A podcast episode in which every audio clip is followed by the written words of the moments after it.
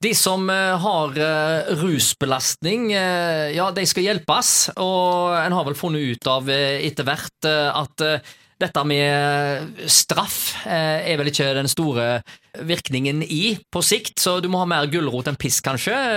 Bjørn Gunnar Husby, fortell litt om denne endringen først som har vært i, i lovverket. Ja, altså nå 1. juli så kom det en endring i lovverket om at de som er tatt for bruk, eventuelt besittelse av små mengder da, narkotika, kan bli eh, henvist til rådgivende enhet for russaker i kommunene. da.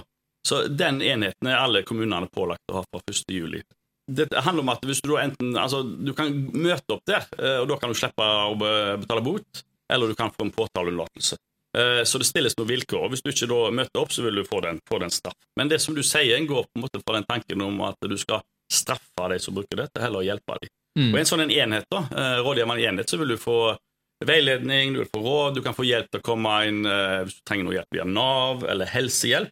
Eh, Og en ser på, tenker at eh, skal du få mennesker til å komme ut av de eventuelt rusproblemene de har, så, så må vi veilede de videre og ha tro på at mennesker kan endre seg, enn å nødvendigvis bare gi dem ild bot eller Ja. noe annet. Nå representerer du partiet Venstre, det er jo lærerpartiet, og du er lærer. Altså, Er det sånn at dere lærere er spesielt opptatt av denne problemstillingen? Jeg tror eh, altså Min opplevelse av eh, kollegaer er at vi vil elevene godt. Mm. Og vi ser eh, Hvis vi har hatt elever som har hatt en eller form for rusproblem, så er det før det fort at du kanskje dropper ut av skolen. Mm. Jeg jobber i videregående, og helt klart hvis vi ser på de som dropper ut, så er rus og psykiske problemer henger sammen. Ofte. Eh, Mm. ofte det, gjør- gjør dessverre det. Så det å kunne eh, det som gir disse unge menneskene råd og veiledning, eh, støtte ikke minst, det tror jeg fungerer bedre enn straff. Og det, det som du sier, det var jo Da ble jo rusreformen eh, Den fikk jo ikke flertall på Stortinget i fjor. Det var en hjertesak for Venstre da vi var i regjering. Men jeg ser eh, tanken om eh, å gå fra straff til hjelp, den har sådd seg ganske bra hos befolkningen. Og det, og det viser jo den utredningen som var, at det som fungerer, er hjelp og ikke straff. Ja, eh, Det har vel vært en eh, modningsprosess, akkurat eh, dette.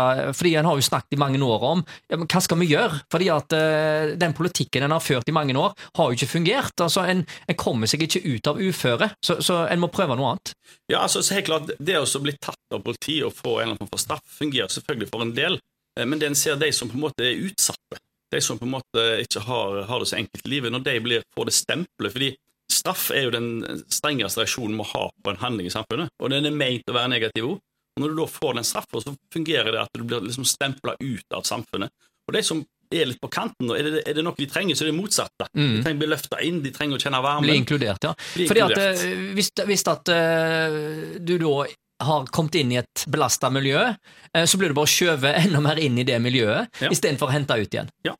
Takk for besøket der fra Haugesund Venstre, Bjørn Gunnar Husby, som påpeker at Haugesund kommune altså ligger litt etter andre kommuner i forhold til å få på plass denne nye ordningen som lovverket nå legger opp til.